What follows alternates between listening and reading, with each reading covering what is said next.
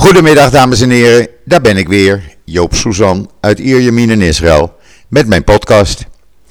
Ja, ik heb weer heel wat uh, te vertellen aan u, want ja, we hebben verleden week uh, Yom HaShoah gehad en deze week, morgenavond begint dat, Yom HaZikaron en uh, donderdag is het onafhankelijkheidsdag. Maar zoals altijd eerst even het weer. Nou, het is na een paar koude dagen. Het was echt wel zaterdag, uh, ja, dat je zegt, de winter is terug. Zaterdag was maar 14 graden bij mij en uh, we hadden wat regen. Maar het waren echt de laatste loodjes van uh, winterweer. Want vanaf vandaag warmt het lekker op. En we komen in de loop van deze week zo rond de 26 tot 30 graden. En dat is best lekker en dat hoort ook eigenlijk zo. Uh, ja, en dan uh, eerst maar even goed nieuws. Laat ik eerst maar eens even met goed nieuws beginnen. En dat betreft natuurlijk het coronavirus. U weet, uh, hier in Israël, we vaccineren als een gek. En dat heeft zijn resultaat. Want het blijkt dat er uh, gisteren nog maar 137 nieuwe besmettingen bijkwamen. Van het totaal aantal mensen van bijna 38.000 was maar 0,4% positief. Er zijn nog uh, 3484 mensen die uh, het COVID-virus hebben, die ziek zijn. Daarvan zijn er nog maar 253 ernstig ziek, uh, waarvan er 137 aan de beademing liggen. Dat zijn hoofdzakelijk jongere mensen, laten we zeggen beneden de, onder de 40 jaar. er zijn gevallen bekend van een meisje van 19 wat aan de beademing ligt. En uh, andere jongelui van 17, 18 jaar die in het ziekenhuis liggen. Het blijkt dat vaccineren helpt. Vaccineren, vaccineren. En iedereen die zegt, ja, uh, ik laat me niet vaccineren en het is allemaal uh, politiek. Nou, ik geloof er niet meer in. Hier hebben we het bewijs. Israël is het bewijs dat vaccineren helpt. Er zijn ruim 5.300.000 mensen gevaccineerd. Waarvan er bijna 5 miljoen nu uh, de tweede vaccinatie hebben gehad. En we zitten hier in het land, wonen 9,3 miljoen mensen. Waarvan zo'n 2,5 miljoen kinderen. Dus we komen aardig in de richting. Daarnaast is het zo dat verschillende experts nu zeggen dat uh, Israël mogelijk al uh, de kudde-immuniteit heeft bereikt. Waarom zeggen ze dat? Nou, dat bereik je als je zo rond de 65% zit van mensen die uh, gevaccineerd zijn of hersteld zijn van het virus. Uh, er zijn uh, van, de, van de bevolking is nu 56% bijna gevaccineerd. In ieder geval één keer. En er is 15% van de bevolking, zo'n 700.000 mensen, die hersteld zijn van COVID-19. Dat betekent dat je dus uitkomt op 71%. En uh, ja, opvallend is, zeggen de geleerden, en ik ben het daar wel mee eens, dat we hebben Purim gehad vier weken geleden, grote bijeenkomsten. We hebben Pesach gehad met de Zijderavond, waarbij families bij elkaar kwamen. En dat is twee weken geleden geweest. En er zijn geen grote uitbraken meer geweest. Uh, wat, we vroeger, wat we voorheen wel zagen. En dat betekent dus dat de vaccinaties hun werk doen. We moeten wel natuurlijk uh, na een half jaar een extra boostershot krijgen. Maar goed, dat zien we tegen die tijd wel. Uh, volgens mijn groene paspoort zou dat uh, rond 24 juli zijn. Maar goed, we zien het wel. voorlopig gaat het goed. We doen ons ding. En we kunnen morgenavond als Yom HaZikaron begint, of eigenlijk woensdag, kunnen we naar de graven toe van de gesneuvelden. Uh, ik ga niet naar het graf van uh, de neef van mijn overleden partner, Emmanuel Moreno. Daar komt morgenavond een heel mooi artikel op JoodsNL over. Hij is held van Israël. we gaan wel naar de familie toe die in het bos van Jeruzalem, het Jeruzalem Forest, bij elkaar komt in de open lucht zodat je dus uh, ja, je risico beperkt uh, en het niet binnen, binnenshuis doet. Dus dan komen we voor het eerst als familie na 14, 15 maanden weer bij elkaar. En dat is toch ook wel heel bijzonder dat dat dan op Yom HaZikaron is. Yom HaZikaron is in Israël altijd een dag, ja, die, uh, die grijp je bij de keel. Laat ik het maar zo zeggen. Iedereen kent wel iemand of elk, uh, er zijn families die familieleden verloren zijn, soldaten verloren zijn of bij terreuraanslagen mensen zijn omgekomen. Iedereen kent wel iemand en het hele land is daar ook bij betrokken. Die twee minuten stilte, die dan woensdagmorgen om 11 uur worden gehouden, die worden ook echt door iedereen nageleefd. Echt iedereen. We hebben dat afgelopen donderdag gezien met Yom HaZikaron, of Yom HaShoah, waarbij het land uh, één minuut tot stilstand kwam. U heeft het filmpje kunnen zien wat ik daarvan maakte. Dat auto's midden op de weg stopten. Mensen naast een auto gingen staan. En dan hebben we donderdag. Ja, donderdag hebben we natuurlijk eh, onafhankelijkheidsdag. Yom Ha'atzmaut. Israël is dan 73 jaar jong. Je zou het niet zeggen. Een heel land opgebouwd van zand tot een echt land. Eh, met een infrastructuur. Met 9,3 miljoen mensen. Eh, en er komen er nog steeds meer bij. En dat is in 73 jaar gebeurd. Ja, ik neem daar nog steeds mijn petje vooraf, ondanks dat ik hier woon. Maar af en toe dan, dan rij ik bijvoorbeeld naar Tel Aviv en dan denk ik, ja, moet je nagaan. In 73 jaar is hier een hele stad opgebouwd. En eh, een wereldstad, om het zo maar eens te noemen. En dat is natuurlijk fantastisch. En Yom dat begint dan eh, woensdagavond. En dat wordt dan op televisie uitgezonden, zoals elk jaar gebruikelijk. Met grote parades op Mount Herzl. En uh, dat is altijd weer leuk om te zien hoe de militairen uh, allerlei exercities doen. ze lopen in figuren, alle vlaggen. En iedereen ja, geniet daarvan. En ik zal kijken of ik daar donderdag wat filmpjes van op JoodsNL kan zetten. Ja, en dan hebben we natuurlijk uh, uh, de kwestie Iran.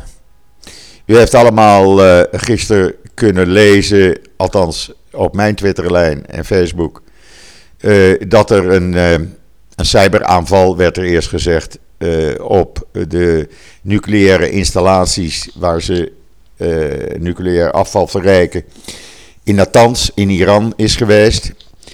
Er komt nu meer en meer naar buiten. Volgens de New York Times is het niet eens een cyberaanval, maar is het een enorme explosie geweest. Er waren wat foto's online, die zijn inmiddels weer weggehaald. Uh, en daar kon je dus duidelijk op zien dat een heel groot gedeelte vernield was.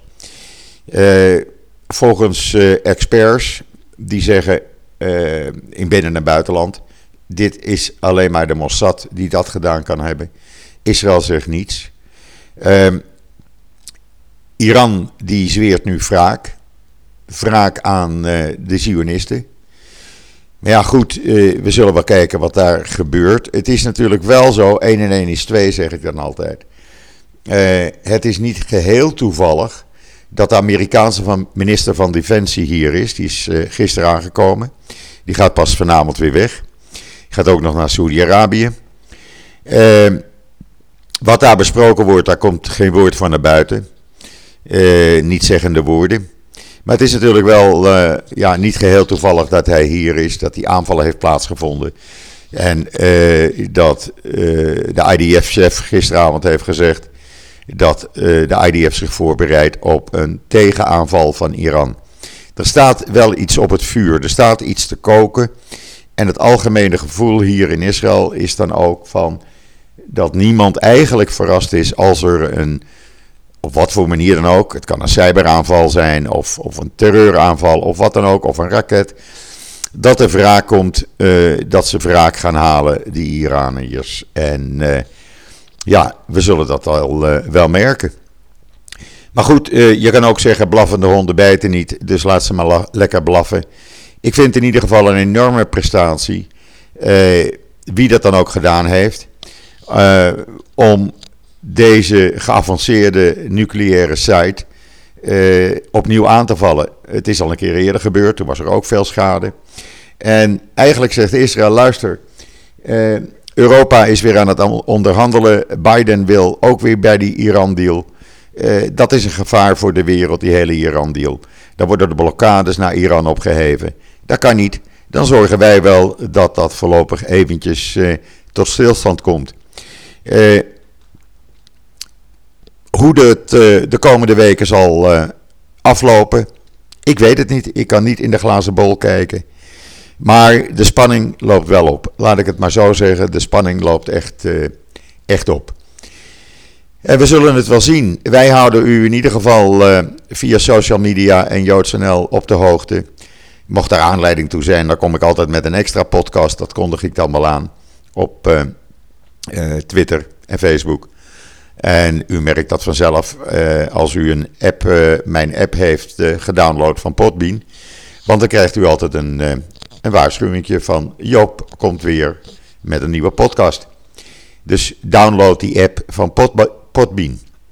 Um, ja, en dan nog even over um, Yom Eigenlijk heeft het niet met Yom Ha'atzmaut te maken, maar uh, uit gegevens van het Centraal Bureau van de Statistiek blijkt dat uh, eind december 2019 bestond de Joodse wereldbevolking uit 14,8 miljoen mensen. En dat is hetzelfde aantal als in 1925, 15 jaar voordat meneer Hitler begon met uitroeiing van het Joodse volk. Dat is, uh, ja, ik vind dat is toch wel iets. Uh, in 1939, uh, eh, dat was aan de vooravond van de Tweede Wereldoorlog, toen waren er 16,6 miljoen Joden wereldwijd waarvan er toen al 449.000 in dit gebied, wat toen het mandaatgebied, Engelse mandaatgebied Palestina werd genoemd, die woonden toen hier 449.000. U weet allemaal, er zijn 6 miljoen Joden vermoord tijdens de Tweede Wereldoorlog. En toen in 1948 de staat Israël werd opgericht, woonden hier 650.000 Joden en was de Joodse wereldbevolking 11,5 miljoen Joden. Het grootste aantal Joden op dit moment woont natuurlijk in Israël, 6,8 miljoen. En dat zal nu op dit moment rond de 6,9 miljoen zijn. Er wonen 5,7 miljoen Joden in eh, Amerika. 448.000 in Frankrijk, 393.000 in Canada, 292.000 in het Verenigd Koninkrijk, 180.000 Joden wonen er nog in Argentinië, er zijn er nog 115.000 in Rusland, 118.000 in Duitsland. En ook 118.000 in Australië. In Nederland, volgens schattingen, ligt dat ergens tussen de 35 en uh, eh, 40.000. Maar goed, uh, dat zijn cijfers. Morgen komen er ook weer cijfers uh, over de groei van de Israëlische bevolking. Dat wordt vaak één of twee dagen voor dat Yom begint, wordt dat bekendgemaakt. En nog een, een weetje trouwens over Yom Ha'atzmaut. Ik las van de week, houtkachels wil men in Amsterdam gaan verbieden. Dus u mag niet meer uw open haard binnenkort stoken. Hier in Israël is Yom Ha'atzmaut is de nationale barbecue dag, zo noem ik het althans. Iedereen is echt aan het barbecuen. En dat is zo'n traditie. En die kan je de mensen niet ontnemen. Het wordt gedaan op het strand, in parken, op balkons, in tuinen. Nou ja, overal waar je kan barbecuen, wordt er gebarbecued. En uh, hele families en vrienden, alles komt bij elkaar. En dat is altijd uh, een traditie. En die traditie volgt eigenlijk op wat ook op uh, Yom Ha'atzmaut plaatsvindt. Dat is de overfly van de Israëlische luchtmacht. Die gaat met alle type vliegtuigen die ze hebben, van F-35 tot uh, eenmotorig lesvliegtuig, alle helikopters, uh, alle helikoptertypes eigenlijk moet ik zeggen, vliegen ze over het land, te beginnen in Jeruzalem. En van Jeruzalem gaan ze naar het noorden. Dan gaan ze over langs de kustlijn, maar ze gaan ook nog over Tiberias, Safat. En dan weer terug naar de kustlijn. Ze komen ook hier langs, bij mij waar ik woon in Ierjamin. En dan gaan ze richting Tel Aviv. En dan in Tel Aviv, en daar ga ik niet naartoe, want dat is me echt... Ja, daar komen honderdduizenden mensen. Uh, dat is een beetje te druk. Uh, in Tel Aviv wordt dan traditiegetrouw een, ja, een grote show gegeven. Daar doet de marine aan mee met schepen. Daar springen mensen uit vliegtuigen aan parachutes. mensen via touwen uit helikopters. Er worden reddingsacties nagebootst. Eh, van alles en nog wat. En iedereen staat daar te applaudisseren en is trots op het leger. En dat is ook zo'n traditie die eh, elk jaar doorgaat. Verleden jaar kon dat eigenlijk niet vanwege corona. Maar omdat we nu uh, ja, bijna coronavrij zijn, dat durf ik zo wel te stellen, kan het gelukkig wel. En dat is echt, het is fantastisch. Ik heb het de laatste keer, ik denk een jaar of vijf, zes geleden, voor het laatst gezien. Uh, toen zijn we daar naartoe gegaan, mijn inmiddels overleden meisje en ik. En we hebben daar uh, uh, bij het strand van Tel Aviv enorm genoten, een paar uur. Maar ja, het is druk. er zijn honderdduizenden mensen die daar naartoe gaan, die overal vandaan komen. En daarna, na afloop van dat, begint dus Nationale Barbecue Dag. Zo zit het eigenlijk in elkaar hier in Israël. iedereen is vrij. En uh, het weer werkt natuurlijk ook mee. Ook uh, donderdag is er mooi weer voorspeld. 28 graden. Dus wat willen we nog meer? Uh, het zijn natuurlijk altijd voorafgaand, dat zeg ik, Yom HaZikaron is natuurlijk een moeilijke dag. ik merk dat altijd aan de broer van mijn overleden meisje, Alain Moreno. Waar we dan naartoe gaan. Verleden jaar kon dat niet. Dat was al heel erg. Maar als je dan merkt dat alle uh, uh, soldaten die onder Emmanuel Moreno hebben gediend. En u kunt het opzoeken op emmanuelmoreno.org. Dan ziet u ook zijn levensverhaal. Uh, alle soldaten die onder hem hebben gediend en die samen met hem hebben gediend, die samen met hem acties buiten de grenzen van Israël hebben gedaan, die komen dan. En die komen dan de familie bezoeken. En dat doe je gewoon. Dat doet iedereen. Uh, helaas mogen we niet meer met hele grote groepen dit jaar op Mount Herzl zijn. Uh, dus wordt er in het Jerusalem Forest uh, komen we dan bij elkaar als familie en met de vrienden en iedereen, ieder ander die wil komen. en dat zijn altijd bijzondere momenten. Er wordt dan uh, over, uh, in dit geval Emmanuel gesproken. Uh, er komen weer fotoboeken tevoorschijn. En zijn leven trekt weer aan je voorbij. En dat zijn natuurlijk bijzondere momenten. En dat gebeurt elk jaar. En dat gebeurt bij elke Israëlische familie die iemand is verloren. Of het nou een, een, bij een terreuraanslag is geweest. Of dat het een soldaat is geweest. het gebeurt door het hele land. En dat ja, dat maakt het, het, het ook zo bijzonder hier. En dat maakt het ook zo intens. Uh, ook nu al is men op de radio al begonnen met ja, allerlei verhalen en speciale muziek. En dat zal morgen alleen nog maar erger worden. Uh, dat hoort bij het land. En dat weet je dat dat gebeurt als je hier in dit land woont.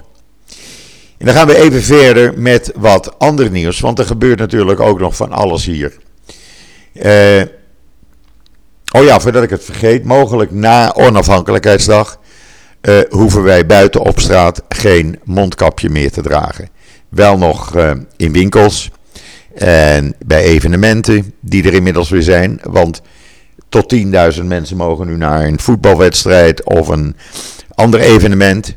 Maar uh, in, in Halle bijvoorbeeld, uh, als daar een artiest optreedt of een groep optreedt, mogen nu 5000 mensen bij elkaar komen. Maar wel nog met mondkapje. Maar dat maakt niet uit, we zijn weer op uh, de normale tour. En dat blijkt ook uit de economie. Het, ja, de economie gaat hartstikke goed. De werkloosheid is terug naar, of ja, dat kwam van 22, 21 procent. Staat het nu op iets meer dan 9 procent nog. Er is steeds meer werk. En het blijkt ook uit andere zaken, bijvoorbeeld Stellantis, dat is de grootste autogroep eigenlijk die er bestaat, die uh, zoekt samenwerking met Israëlische start-ups. Star, uh, Stellantis, daar vallen bijvoorbeeld uh, de merken Maserati, Jeep, Peugeot, Alfa Romeo, Citroën, Opel, Dodge, nou ja, Chrysler, Fiat, noem maar op, die vallen daar allemaal onder. Het mooie is dat Stellantis officieel uh, gehuisvest is, het kantoor heeft van de holding in Amsterdam. Dat zal natuurlijk wel of uh, vanwege belastingvoordeel zijn. Maar Stellantis zit in Amsterdam. En die willen nu samenwerking met Israëlische uh, start-ups om de nieuwste Israëlische innovaties in hun auto's aan te brengen. Dat is een programma wat samengaat, uh, wordt georganiseerd met de Israel Innovation Authority. En bedrijven die, dat al, die hetzelfde al hebben gedaan, dat zijn bijvoorbeeld Philips, Unilever, Audi, Packard, IBM, Panasonic, Renault, Fiat en Nielsen. Dat zijn toch niet de minste die, die dit al doen. En dat Stellantis dit nu doet, betekent dat honderden start-ups nu extra werk kunnen gaan krijgen en meer en meer waard gaan worden. Is natuurlijk hartstikke mooi. En dan nog even het volgende, dat de Israëlische luchtmacht heeft samen met uh, Israel Aircraft Industries een nieuw vliegtuig uh, ontworpen. Uh, en dat is de Oron. De Oron is uh, het eerste nieuwe verkenningsvliegtuig van de IE, Israëlische luchtmacht, IAF. En het is uitgerust met alle nieuwste geavanceerde algoritme en kunstmatige intelligentie om van alles en nog wat te kunnen bespioneren eh, terwijl ze zelf niet ontdekt worden. Het hele verhaal met filmpje staat op eh, JoodsNL. Het is het nieuwste van het nieuwste speeltje voor eh, de Israëlische luchtmacht. En die zijn daar natuurlijk hartstikke blij mee. Ga dat even zien, zou ik zeggen. Kijk de film en u wordt uh, duidelijk gemaakt wat ik bedoel. Ja, dan zit het er eigenlijk alweer op, deze podcast. En dan gaat, uh, ga ik mij voorbereiden op de komende dagen. Donderdag, ja, dan zal ik geen podcast maken. Dan ben ik even te druk, denk ik. Uh, mocht het mogelijk zijn, misschien een korte podcast, maar hou er alvast rekening mee. Wees niet kwaad als ik er niet ben in mijn podcast donderdag. Dan ben ik even aan het feestvieren of even naar de Overfly aan het kijken. Eh, want dat wil ik echt niet missen. Dus mogelijk tot donderdag zou ik zeggen. Maar sowieso ben ik er maandag weer. Rest mij u nog een hele fijne voortzetting van deze week toe te wensen. Eh, ook een fijne voortzetting voor vandaag natuurlijk. Hou JoodsNL en hou mij op Twitter in de gaten. Eh, ik heb ook een Facebookpagina. Daar eh, ben ik ook lekker aan de gang. Eh, zo blijven we bezig en zo weet u wat er speelt hier in dit uh, kleine, maar ook zo mooie land Israël. Dus nogmaals, of tot donderdag, of tot volgende week maandag. Tot ziens.